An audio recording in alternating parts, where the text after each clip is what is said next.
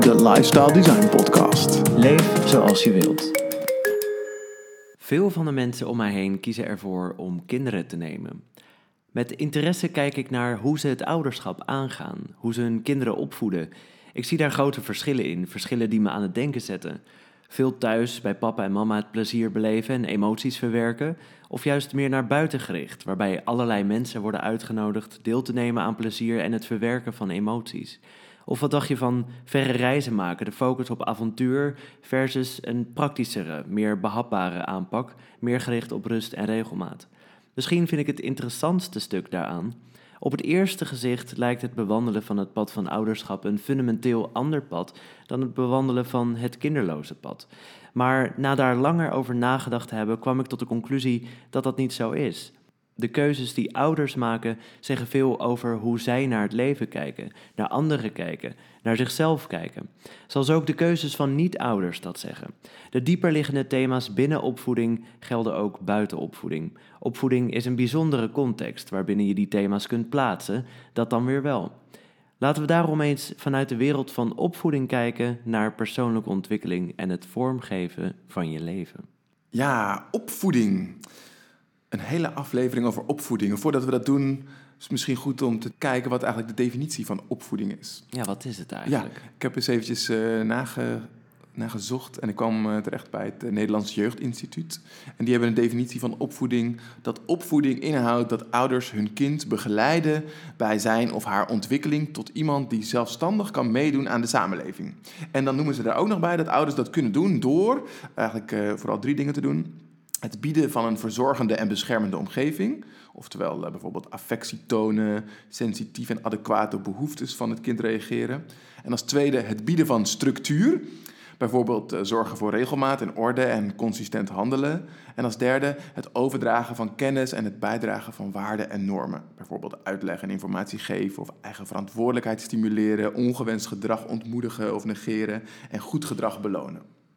Lekker concreet. Ja, ja het is eh, eigenlijk wel grappig dat ik uh, dit lees uh, terwijl mijn kinderen twee en zes zijn. Dus, maar ik heb, ik heb dit niet gelezen voordat ik uh, dacht... ik, heb je een belangrijk punt gemist, Ruben, nu? ik was even kijken. Nou ja, zoals jullie weten, vaste luisteraars... het bieden van structuur, ah, daar ontbreekt het bij mij niet aan. Um, nee, ik denk eigenlijk dat het overal over het algemeen Ben je wel... vergeten je kennis over te dragen? Nou, dat is wel een dingetje waarover ik soms nog wel twijfel. Ik zie net een vlog van Reza trouwens. Dus ja, Reza heeft. Volgens mij als, gaat het heel goed. Jullie gaan straks ook Reza horen, want uh, in deze aflevering hebben we een bijdrage van mijn oudste zoon uh, Reza.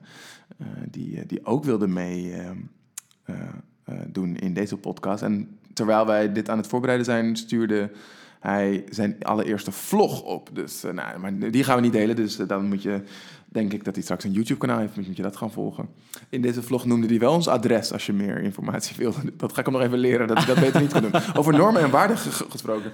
Um, nee, maar dat is wel, en vind ik wel gelijk het meest interessante van dit rijtje... waarvan ik dan denk, hoe ja, werkt, werkt het zo? Uh, ja, het overdragen van kennis en bijbrengen van waarden en normen...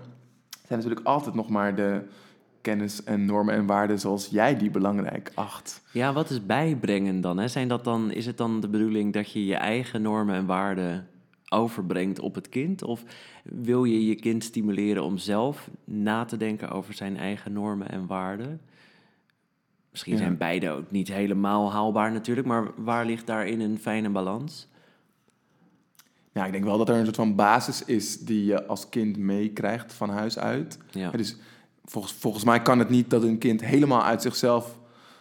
Nou, trouwens, dat weet ik eigenlijk niet. Of, die, of je helemaal uit jezelf normen en waarden op kan bouwen. Volgens mij is er altijd een referentiekader van je omgeving. Waardoor je een, een soort van basisset aan normen en waarden meekrijgt.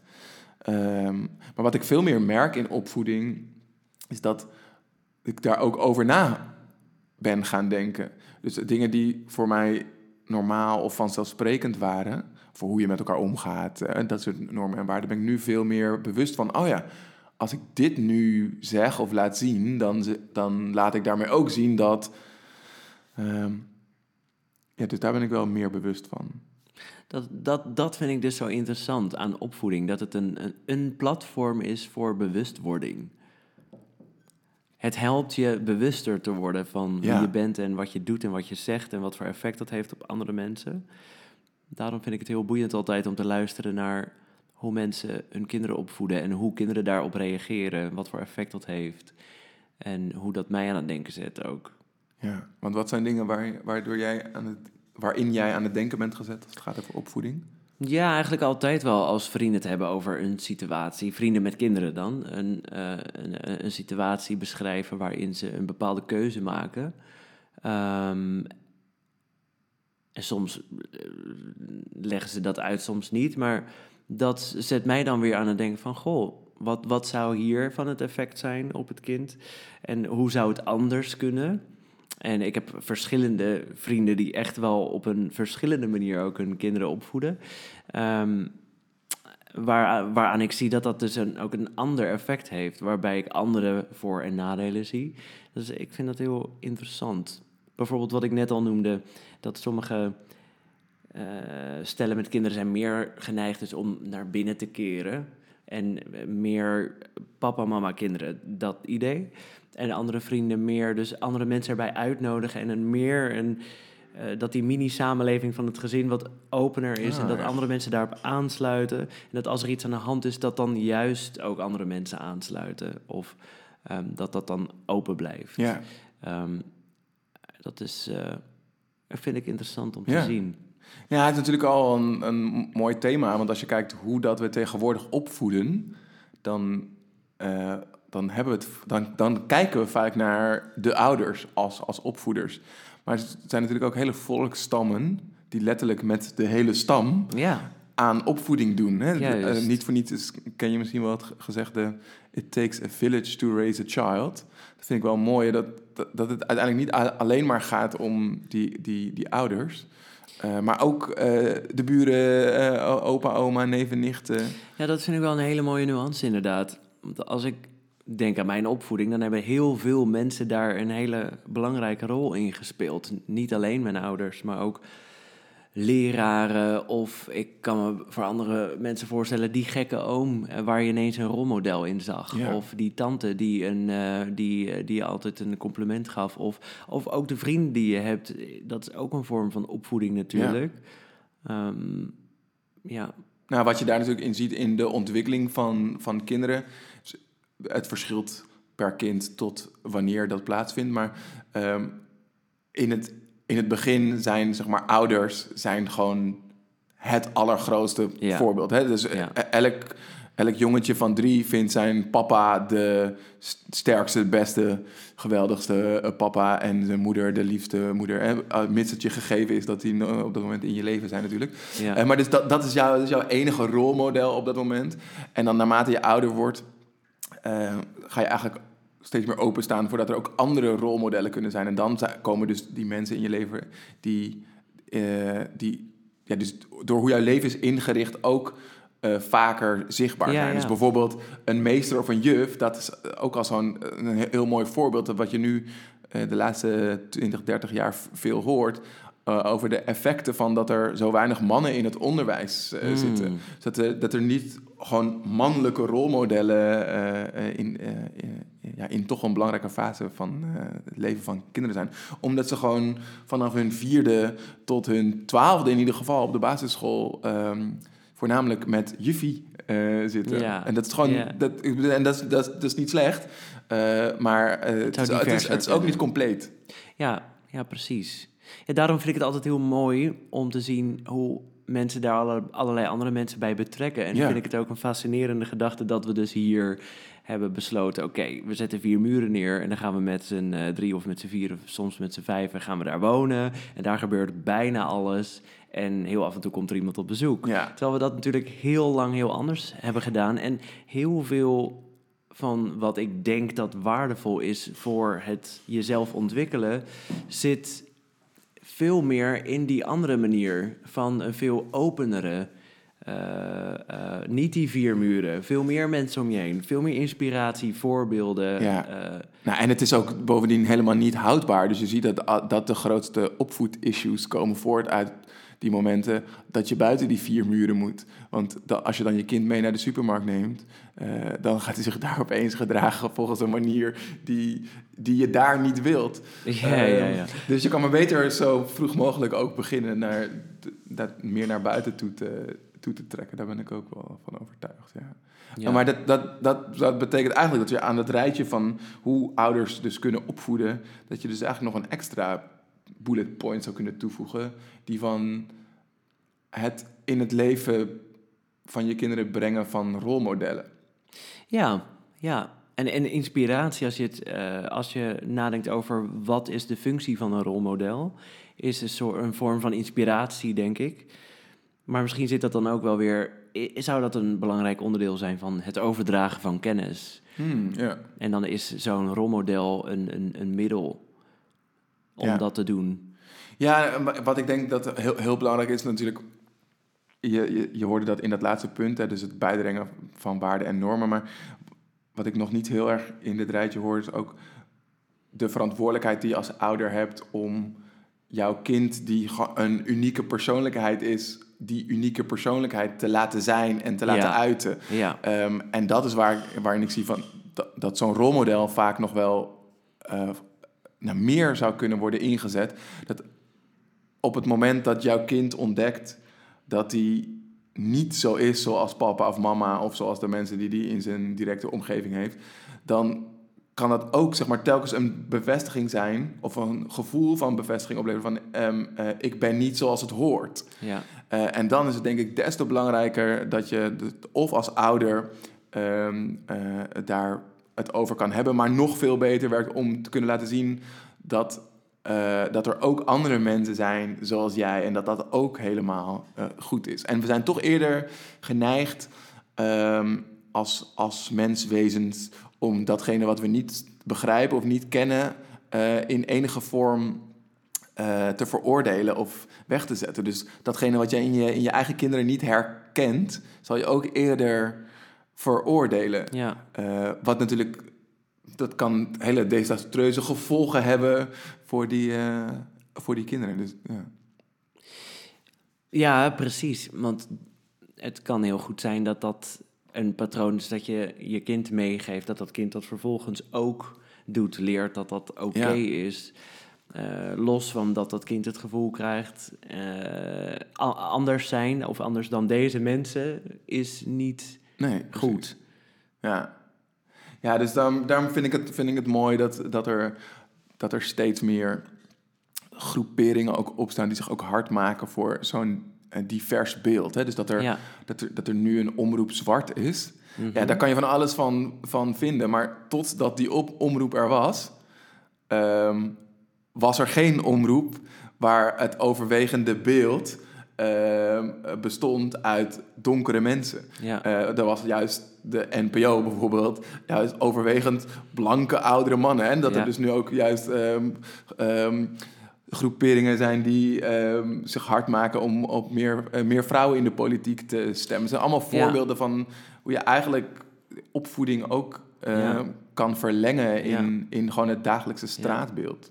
Ja, het is ook super belangrijk natuurlijk dat je geïnspireerd kunt raken door mensen die, ehm, die op je lijken. Ja, Als je, stel dat je homoseksueel bent en je hebt tot op heel late leeftijd eigenlijk niemand in je omgeving die dat is, waar, die in die zin op je lijkt, waardoor je leert dat dat ook oké is en daarnaar kunt kijken, daaraan kunt relateren, daardoor op jezelf kunt reflecteren, je, jezelf kunnen vormgeven naar Mhm. ideeën in de buitenwereld, waar, die ideeën die je aantrekkelijk vindt. ja. Ja. Belangrijke functie van Ja, dat, diversiteit. dat, dat denk ik ook wel. Dus, dus in ieder geval, op, opvoeding houdt niet op buiten die vier muren van je eigen gezin. ja. Ik vind dat dat vind ik wel leuk om, om te delen, want ik ben zelf opgegroeid in een woongroep. Ehm, ja, Waarbij je er niet zo'n beeld van hoeft te hebben als het een soort van commune of zo. Nee, het was gewoon letterlijk gewoon midden in, in Amsterdam. eh, even kijken, zeven, gezinnen die allemaal gewoon een eigen huis hadden, maar wel binnen één pand en ook met een gezamenlijke uh, uh, keuken en een gezamenlijke tuin, naast dat iedereen ook een eigen keuken had. en daar, daar, daar deden we heel veel dingen samen. Dus samen eten, vier, vijf keer in de week, samen in de tuin werken, wow. klussen in huis. En ik, ik kan me nog herinneren van vroeger dat je daar dus ook heel vaak had dat die opvoedingen dus ook door elkaar liepen. Want we zaten mhm. dan met nou, vijf, zes verschillende kinderen aan tafel. En als ik gewoon alleen met mijn moeder at, dan was het, als ik klaar was met eten, dan mocht ik van tafel. Maar nu zat ik dan met andere kinderen en dan was ineens de, de afspraak van, ja, ik mag pas van tafel als ook de andere kinderen klaar zijn. Dus dat is maar, is maar een klein voorbeeld van hoe je ook ziet dat je dan daar ook je, je opvoeding op elkaar afstemt. Of ik weet bijvoorbeeld ook, we deden ook elk jaar samen met elkaar Sinterklaas vieren. Uh, nou, ik, ik, ben, ik ben enig kind, maar ik vond het hartstikke leuk, doordat ik in zo'n woongroep woonde, dat ik ook toch een soort van broertjes en zusjes had. Maar dan kreeg, dan kreeg ik ook dat die ouders moesten ook met elkaar afspraken maken, een soort van, ja, hoeveel cadeautjes ga je de kinderen geven? Dus we, we stoppen alles wel in, in één zak. Maar als uh, uh, het kind van de eerste verdieping voor uh, tien cadeautjes krijgt en het kind van de tweede verdieping achter maar drie, dan dat is raar. Dus, dan, dus daar, daar, daar, die moesten het ook wel met elkaar afstemmen. En ik weet wel van, van mijn moeder dat ze ook wel dat, dat ze dat soms ook wel een uitdaging vond.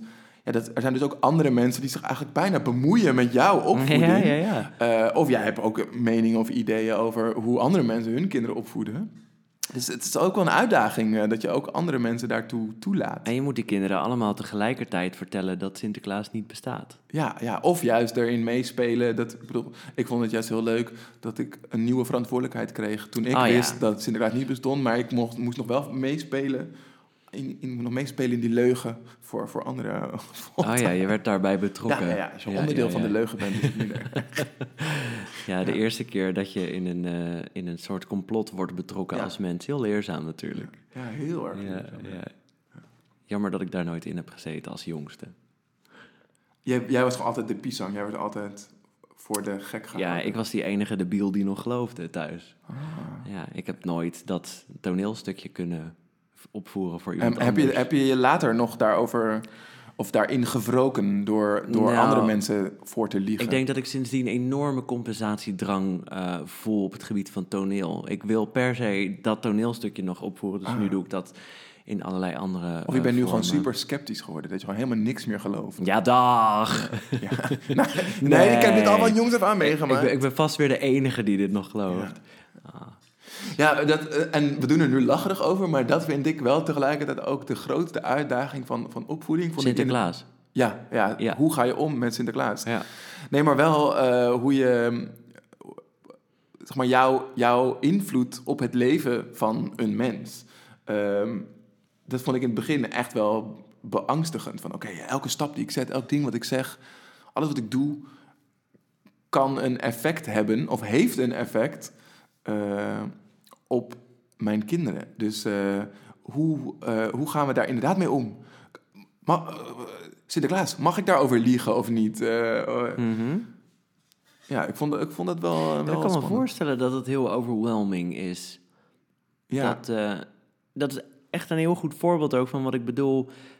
Dat er zoveel overlap, dat het slechts een context is. Een, een, een platform waarbinnen je bepaalde inzichten kunt opdoen. Omdat, stel dat je in de zorg werkt, bijvoorbeeld met kwetsbare ouderen, dan heb je ook in één keer heel veel invloed op uh, relatief weerloze wezens, waardoor je ook zo'n soort inzicht zou kunnen opdoen. Ja. Eh, ik snap dat het heel overwhelming kan zijn dat je dat je, je dat in één keer zo realiseert.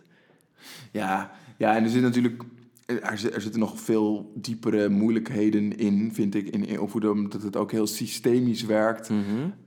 En dat, dat, dat vond ik ook tegelijkertijd het leuke van, van opvoeden. Nou ja, ik vind zelfontwikkeling super interessant. Ja. Maar ik heb gemerkt dat juist doordat je nadenkt over de ontwikkeling van iemand anders en jouw rol daarin, dat je daarmee ook over je eigen ontwikkeling na gaat denken. Over hoe heb je je ontwikkeld, maar ook over als je het hebt over die normen en waarden van waarom vind ik dit eigenlijk belangrijk? Waarom wil ik dit doorgeven aan mijn kinderen? Of vind ik dit eigenlijk wel belangrijk? En dus een van de fijnste lessen die ik leerde in het opvoeden was dat je ook gewoon soms over na kan denken waarom je eigenlijk nee zegt.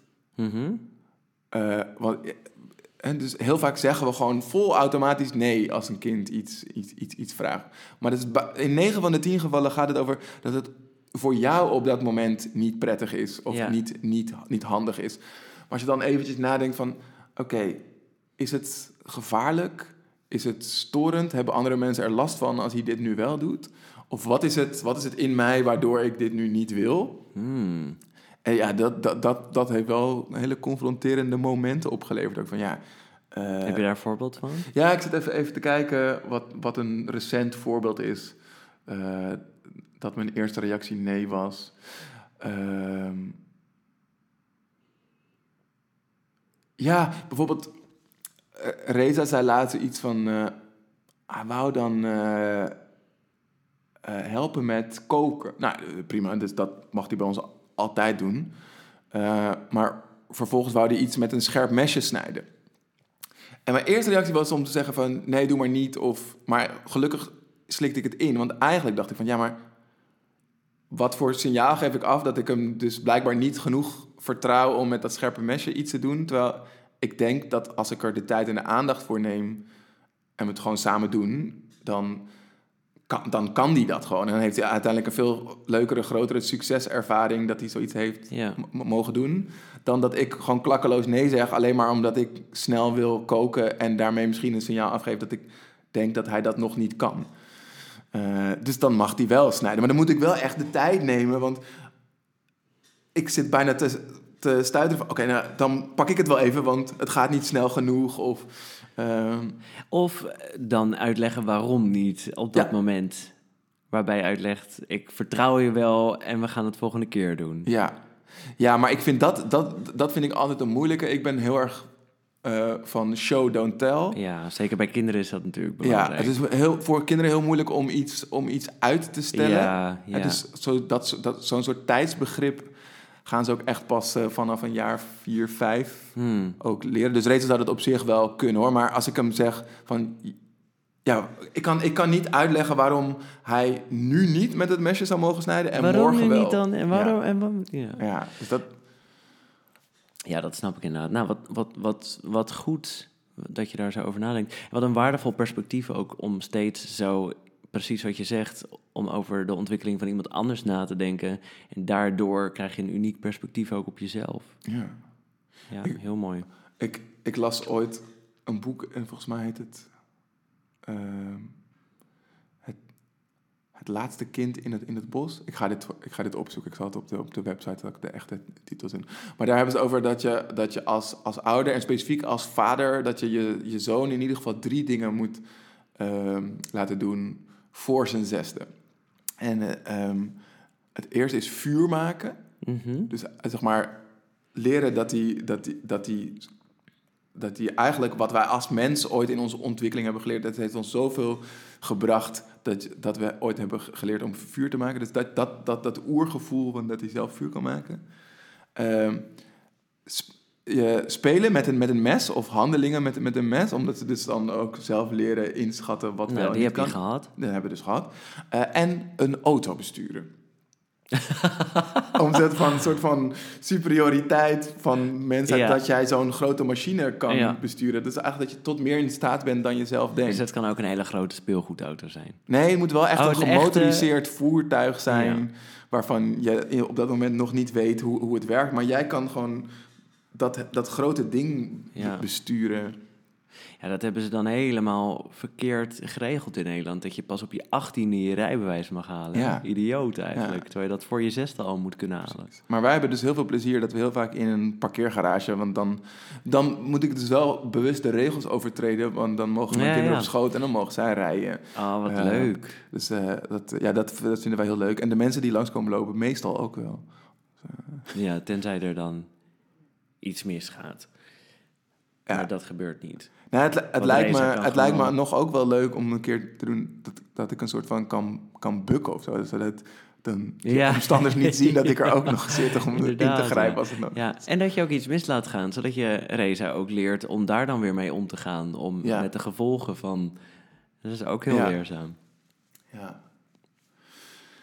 Ehm, Over fouten maken gesproken. ja, volgens mij eh, hebben wij een, eh, een, een luisteraar die daar een vraag Dat- over dat heeft. Klopt. Guido.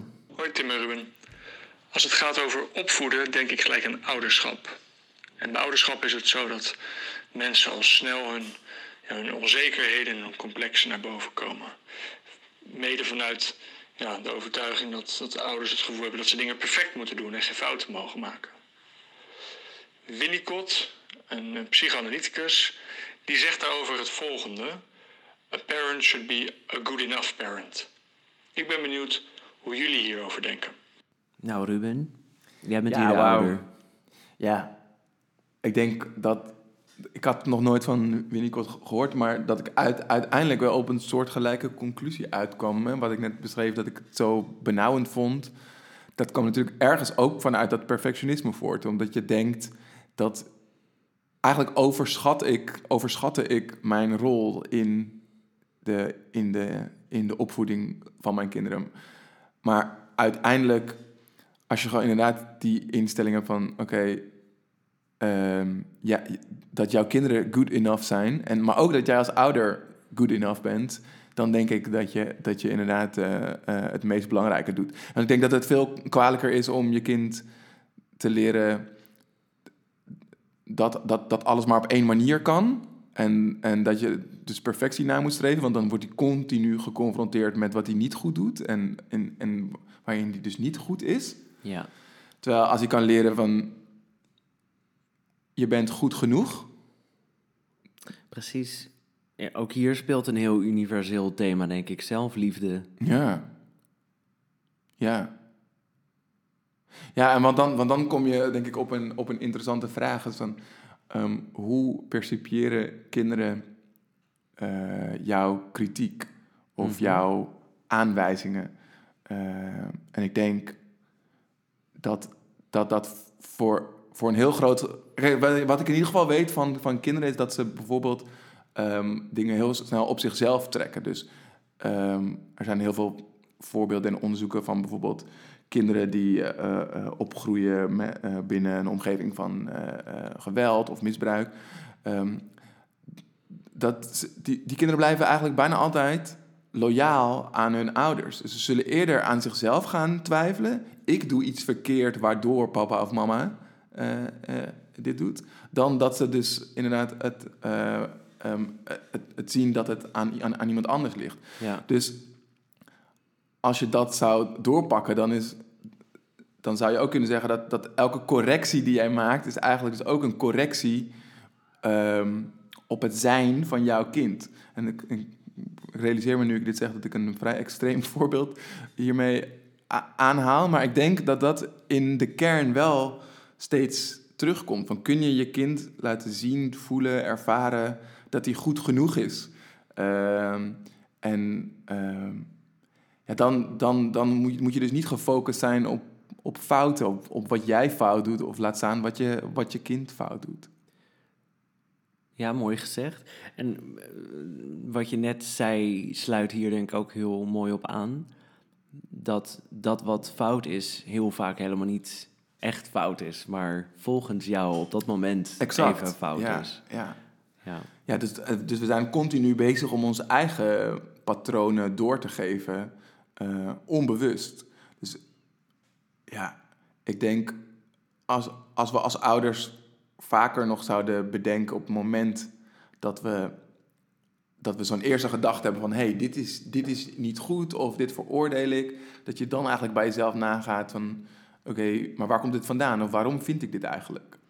Eh, want het is bijna altijd een weerspiegeling van, van jouw normen en waardepatroon.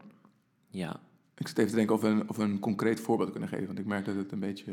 Heb jij een concreet voorbeeld? Nou, wat fijn dat je het vraagt. Ehm, nou, ik weet nog wel. Ja, dat, dat, was, een, dat was een mooi. Dat, dat, dat gaat niet zozeer over goed of fout. Maar ik weet nog wel dat ik toen Reza een jaar of twee of drie was. met hem naar Monkey Town ging.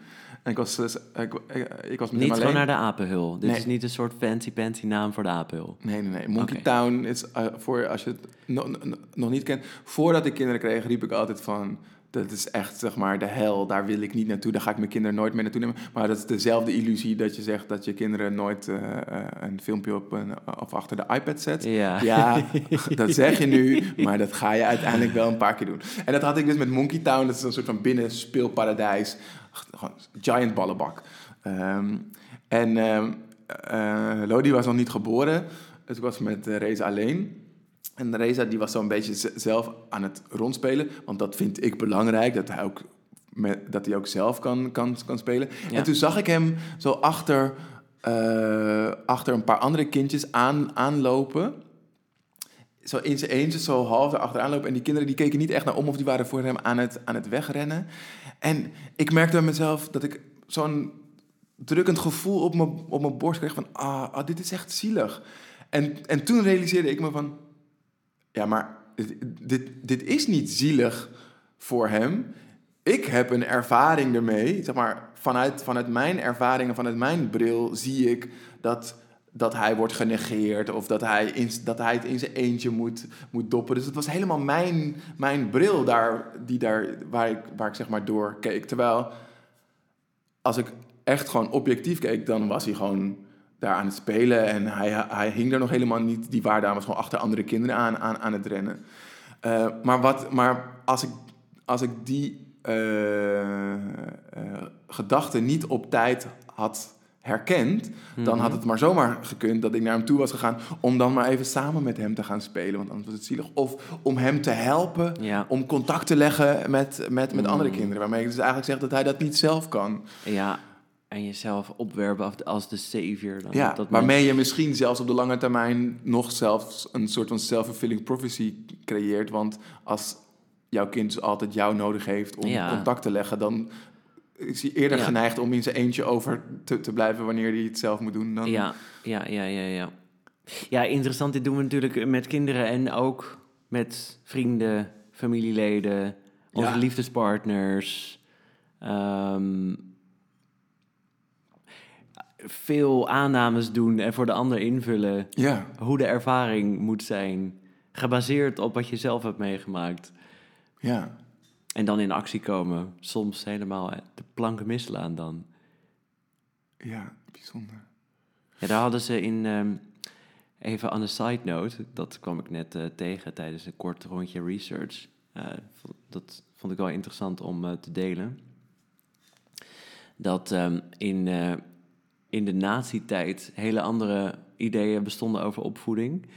Die um, in deze context uh, helemaal niet zo'n gek idee, veel minder bemoeienis.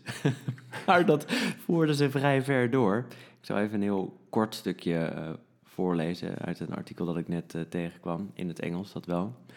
Not giving too much attention to babies was also for Hara, dat is de, dan volgens mij de schrijfster van een opvoedkundig boek uit die tijd. A critical part of that training. Wat heb je trouwens een prachtig Engels accent. Maar oh, het gaat over nazi-tijd. Dan kan je ook een Duits accent in je oh, Engels doen. Dat, dat zou ik passender vinden hier. Not giving too much attention to babies was also for Hare a critical part of their training. She argued that it is not a sign of special motherly love if one showers one's child continuously with tenderness. Such doting love spoils the child and will in the long run emasculate young boys. Wauw, nou sowieso complimenten dat je zo snel schakelt naar uh, Duits-Engels. Ja, ja, zou ik ook nog even... Nou, misschien kan je het wel even samenvatten. Want... Dit is dat Sinterklaas, die Sinterklaas-overcompensatie, uh, waar ik het eerder over had dat jij, dat jij het graag goed doet. Dus als nee, dat ik graag toneelstukjes opvoer, ah. omdat ik dat niet heb kunnen doen als jongste. Dus. ja. Zou ik nog een andere... Zou... Je wilt, je wilt ook, nog een, ook nog een andere taal? Een beetje, ik een beetje Spaans accent. Spaans. Uh, not giving too much attention to babies was uh, also for uh, Harer uh, a critical part of their training. Oké, oké, oké. Je bent wel met vlag en wimpel geslaagd. ah, dankjewel, dankjewel, dankjewel. Maar emasculate young boys dus te veel aandacht zou leiden tot, um, tot demasculinisatie. Ja. Dus het, uh, het ontmannelijke van uh, jonge boys. Ja, dat, dat is zo interessant, omdat je behalve natuurlijk je persoonlijke opvoedstijl, die natuurlijk ook weer voortkomt uit hoe jij bent opgevoed, ehm, eh, en daar je, je, je, je eigen ervaring aan toe, toegevoegd hebt, heb je natuurlijk ook nog de opvoedstijl die in jouw tijd gewoon is, of juist Mm. ab, abnormaal, eh, waar je tegen, tegen afzet. Dus zo zullen ze in de jaren 60, 70 zullen, zullen heel veel.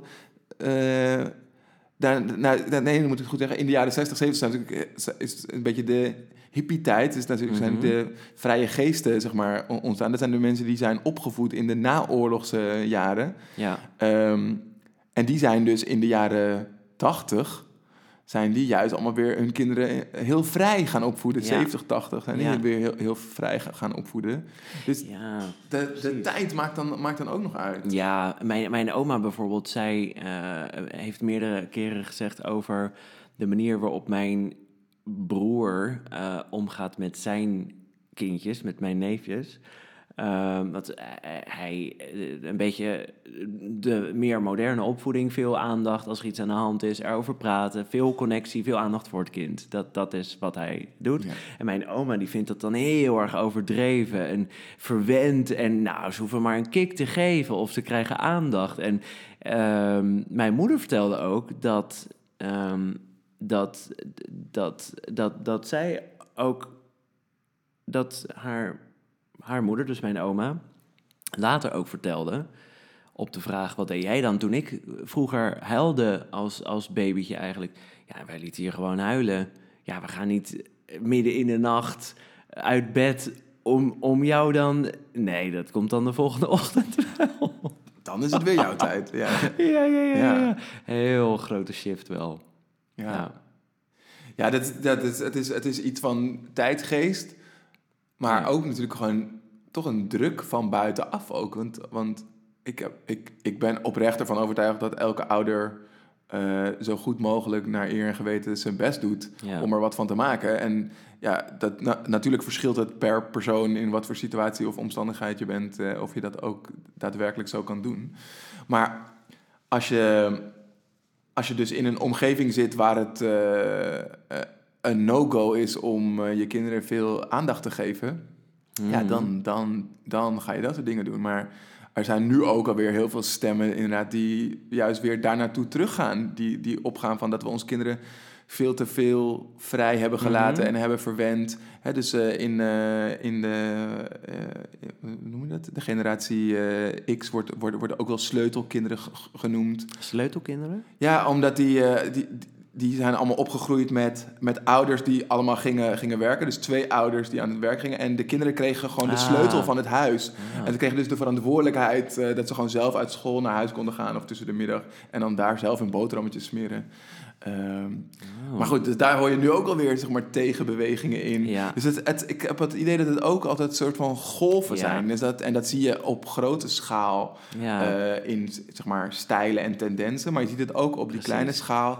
Dat, dat we toch vaak ehm, een soort van tegenreactie tonen op de opvoeding die we zelf genoten hebben. Eh, en daarmee, als je dat eenmaal weet, dan gaan jouw kinderen dat ook weer bij jou doen. Dus, dus, dus ik kan nu de hele empathische vader zijn die, eh, die, die, die, die eh, Reza en Lodi superveel ruimte geeft om, om alles zelf te doen op hun Mhm. eigen manier, op, zodat ze op hun eigen benen gaan staan.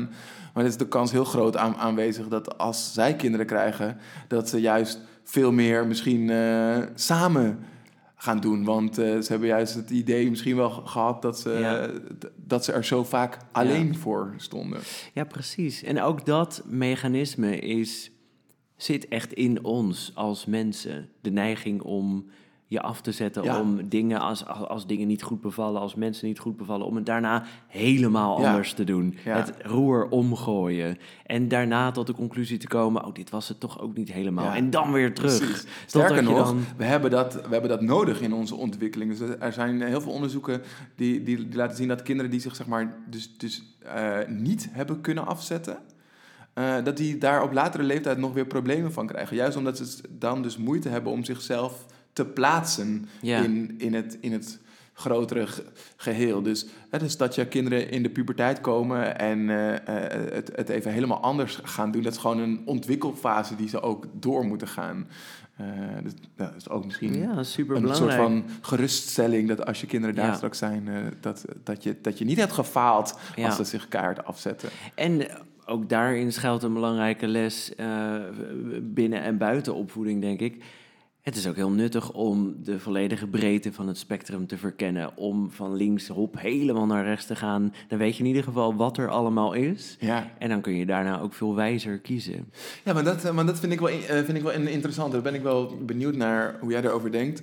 Als het gaat bijvoorbeeld over drugs, uh, drugsgebruik. Doen. Ja, jij bent absoluut van, van doen. Maar, maar, maar, zou je dat, als jij kinderen zou hebben, daar, daar, daar, zou je het ook zo promoten naar hun toe? Nou ja, nou een hele leuke vraag in ieder geval wel. Laat ik in ieder geval beginnen met de nuance. Ik kan alleen maar een voorstelling maken bij als ik kinderen zou hebben, dan het is voor mij makkelijk praten en dat ga ik dus ook doen. Lekker makkelijk praten, praten lekker makkelijk. van de zijlijn, heerlijk. Um, nou, ik denk, het, het, is het wordt zoveel gebruikt tegenwoordig, drugs, door zoveel, ook heel verschillende kinderen. Het is lang niet meer iets wat een paar gekkies op een of andere hardcore feest doen. Dus ik denk dat het in ieder geval belangrijk is om erover te praten. Zoals ook andere onderwerpen die nu eenmaal een rol spelen. En zeker onderwerpen die tot zowel veel plezier als veel problemen kunnen leiden. Ehm, maar ik denk wel dat drugs je kunnen helpen je geest te verruimen en intense ervaringen mee te maken die heel leerzaam zijn. Intens is goed. Ja, maar, dat, maar dat, is, dat is duidelijk hoe, hoe jij erover denkt. Dat is hoe ik maar zou je dat ook zo... Eh, zou je dat ook zo tegen jouw kinderen zeggen? Zou, zou ik het zo tegen, tegen Reza en Lodi moeten zeggen? van, joh, je, je, je bent nu uh, eh, 15. Zou je niet je geest eens wat meer willen verruimen? Hier heb je... Een avondje met papa op de bank. Uh, nou ja, ik um, zou het ook wel als een hele mooie taak zien om een kind mee te nemen op avontuur. Langs alles wat de wereld te bieden heeft. Um, en natuurlijk moet er wel een beetje eigen wil en initiatief in zitten. Moet je hem niet uh, tegen zijn zin in allerlei dingen laten ervaren die hij helemaal niet prettig vindt. Um, maar als je kind eh, graag iets intens ervaart en uh, uh, laat zien dat, dat zoiets wel interessant zou kunnen zijn, dan waarom niet? Um, want of dat nou drugs is of iets anders, als je een ervaring heel intens maakt, dan kan het veel, veel leren. Um, en zeker psychedelische drugs zetten allerlei hele interessante deuren in je hoofd open, waardoor je um, op het gebied van persoonlijke ontwikkeling een mooie sprong kan maken. Dus ik zou het er zeker over hebben. En als ze dan interesse tonen, dan zou ik graag ook met ze meedoen. Zelfs wel, ja. Ja, interessant. Ja. En jij, hoe, uh, heb, jij daar al een keuze in gemaakt hoe je daar straks mee omgaat als uh, de leeftijd hebben waarop het speelt? Nou, ik, ik, zou het niet zo actief promoten zoals dat jij het nu noemt. Of, uh, maar ik, ben zeker van daar het over hebben. En ik heb zelf ook dingen uitgeprobeerd. Dus uh, ik zal absoluut tegen mijn kinderen zeggen van... joh, als jij het uit wil proberen, voel je vrij om dat te doen. Maar ik zou wel daar ook een gradatie of eh, grens in aangeven. Ik denk dat ik, dat, dat ik ze toch niet per se uh, zal aanraden om, uh, be, om bepaalde harddrugs of zo te gaan doen. dus, dus weet je, hou het, hou het gewoon klein en, en doe het in een omgeving waar, waar je veilig bent. Is meer een soort van randvoorwaarden. Ja creëren. Maar ik denk ook overigens niet per se dat het gezond zou zijn voor hun als ze met mij zouden gaan blowen, bijvoorbeeld. Dat, dat moet je gewoon maar lekker zelf doen met je, met je vrienden als je het gaat doen. Maar eh, als je het dan bij ons thuis doet met je vrienden in de, in, in de schuur, zou ik het nog meer oké vinden. Overigens als Susanna dit hoort, want dit is een, onderwerp waar wij het absoluut niet over, over eens eh, zijn. En waarschijnlijk ook niet over eens worden. Oh ja. En, en, en waarom uh, blowen niet samen? En iets, iets anders wel. Bijvoorbeeld een biertje drinken wel. Nou, nou ja, maar dan ga je ervan uit dat ze dat wel zou, zou, zou doen. Nou, nou heb ik daar een beetje... Nee, uh, ik, de vraag zegt aan jou. Ja, nee, maar ik bedoel, nou ga je ervan uit dat ik dat vind jij wel een biertje dat zou... ik wel een biertje samen zou drinken met mijn, ja, met mijn kinderen. daar ging ik even vanuit. Ja. Um, en daar twijfel ik steeds meer over. Maar dat gaat, het is een hele andere dis- discussie over, over drugs en verdovende middelen. Hmm. Eh, dat ik vind eigenlijk, als je vindt dat iets niet goed is voor kinderen, in, in het kader van show don't tell, dan moet jij het ook niet doen. Dus ehm, Ja. Eh, De- ik, kan, ik, kan, ik kan niet aan mijn kind uitleggen dat hij, dat hij niet voor zijn achttiende bier mag drinken... als hij wel mij elk weekend bier ziet drinken. Ja, dat, snap ik. Dat, dat, dat, dat vind ik echt heel, heel ingewikkeld. En, Ja. en, en in dat kader ehm, zal ik niet met hem gaan blowen... omdat ik dan daarmee dus dan toch een signaal afgeef... dat dat dat dan goed is of normaal is... En Ja, precies. Dus het zegt iets over hoe jij naar blowen kijkt. Je Ja. vindt dat die, niet iets goeds of iets normaals. En daar, daardoor zou je het niet met je kind doen. Nou ja, kijk, kijk ik, ik, ik vind blowen niet iets, niet iets slechts. Ehm, maar ik zie wel dat het voor heel veel mensen slechte vormen aanneemt. En blowen is niet, het, is niet het goede voorbeeld, omdat blowen eh, in, in mijn ogen nog niet zo verslavend is als bijvoorbeeld roken of eh, drank. Hè, dus- En, en laat ik de vraag dan zo stellen. Stel, jij rookt af en toe een blootje. En eh, dat doe je met mate en dat brengt je soms plezier. Zou je dan soms met je kind een blootje roken? Ja, ja eh, nogmaals, ik vind het een beetje moeilijk om het hier, om het hier over, over te hebben, omdat je... Dus zeg maar, nu gaan we eigenlijk inzoomen op één van mijn normen of waarden. En daar kan, kan een hele, hele aflevering over, over voeren. Maar samengevat zou ik zeggen... ehm, ik denk dat drugs een vorm zijn om zeg maar, dingen buiten jezelf te zoeken... of oplossingen buiten jezelf eh, te zoeken. Ehm, en Ehm, ik denk dat dat niet, niet, niet nodig is. Ik denk dat je dat niet nodig hebt. Ehm, dus als jij graag wilt ontspannen, zijn er ook andere manieren die je kunt toepassen om meer te ontspannen. Als jij graag je geest wilt ver- verruimen, kan dat, kan dat ook op andere manieren zonder dat je ehm, ofwel schade toebrengt aan. ehm, maar ik vind het een beetje moeilijk, omdat het voorbeeld van, van blowen sta ik, vind ik anders dan. Ik vind bijvoorbeeld alcohol vind ik een veel schadelijker voorbeeld Mhm. dan eh blowen. Eh, Ja, ja, ja. En, en, en bijvoorbeeld, eh, en daarna laten we daarna lekker naar een ander subonderwerp gaan. Maar, en bijvoorbeeld ayahuasca. Geestverruimende middelen. ja, ik, ik heb dat zelf nooit gedaan, dus ik kan daar, kan daar niet, een, niet een oordeel over Zullen we dat nu doen? Ja, ik wil dat heel graag een keer met jou doen hoor.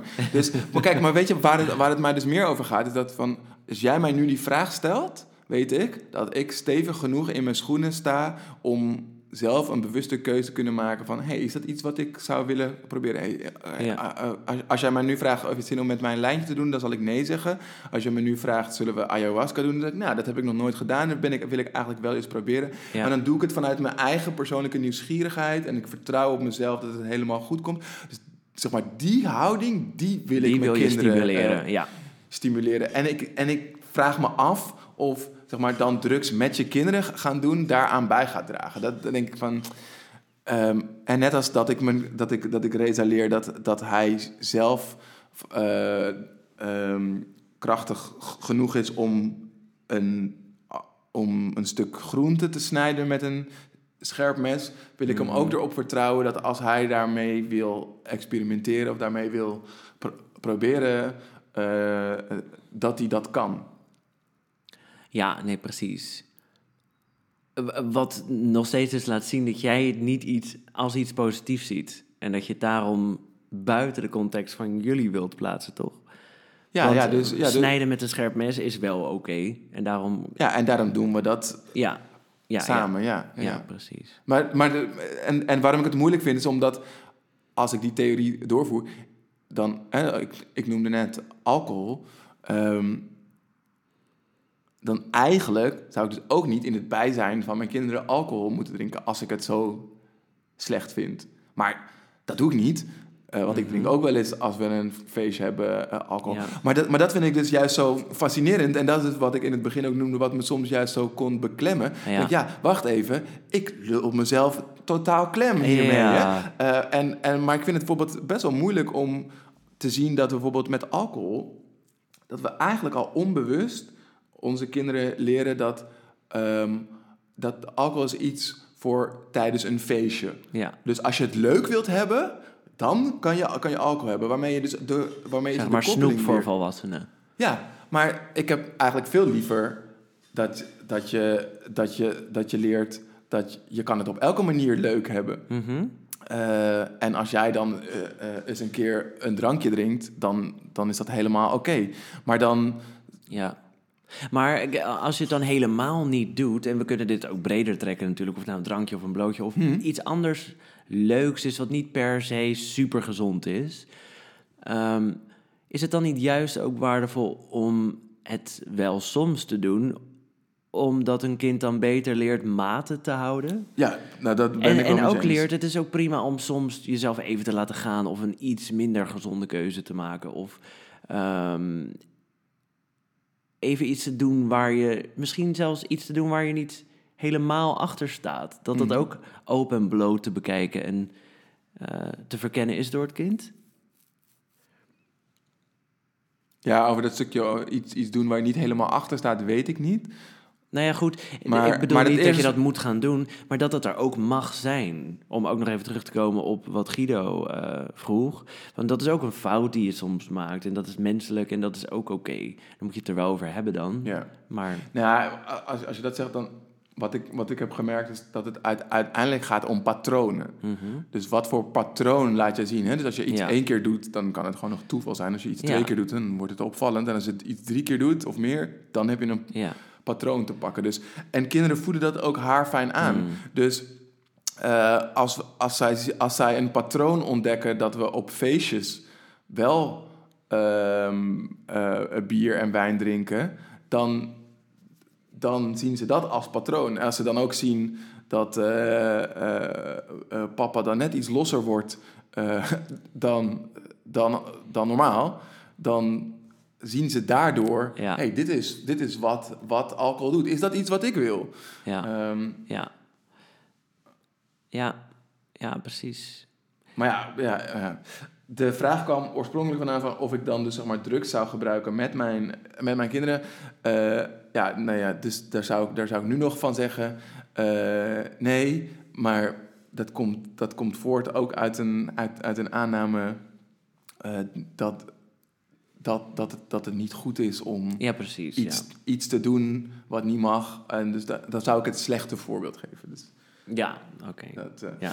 en, en als het gaat over, over, over goed en fout, denk ik ook dat het fijn is om je er bewust van te zijn dat je telkens weer, weer opnieuw kan beginnen. Dus ehm, als, als jij ehm, bent uitgevallen tegen je dochter eh, of je hebt iets lelijks gezegd, dan, dan kan je het gewoon weer goed maken en de volgende dag opnieuw beginnen. Dan, dan, dan heb je juist een extra uitdaging om weer te laten zien dat het, dat het dus ook anders kan. Ja. Terwijl we heel vaak denken, oh, nu, nu ik dit eenmaal heb gedaan, eh, eh, is er geen weg meer terug. Nu, he- nu, nu heeft ze dit gezien. ja, eigenlijk dezelfde principes die ook gelden binnen andere relaties. Ja, Als je een fout maakt, prima. De volgende dag kan je hem rechtzetten. Je kunt het erover hebben en je kunt het vanaf nu anders gaan doen. ja. Ja, ja en, dan, en, en natuurlijk, daar zit wel een, een, een houdbaarheid aan. Want als jij telkens dezelfde fout maakt, Dan ontstaat er dat patroon. dan zien we inderdaad ook weer een patroon. En dan, Ja. Ik denk ook bijvoorbeeld, wat, wat ik heel, heel krachtig vind bij kinderen, is dus ook te laten zien hoe je met die fouten omgaat. Dus Juist. als je je kind gaat proberen voor te spiegelen dat er enige vorm van perfectie is. eh, en dat papa of mama altijd eh, alles goed doet. Ja, dat, dat, dat is niet houdbaar. Want dan ga je dus ook je kind laten zien dat, dat dus die mindere kanten van jou er niet mogen zijn. Ja.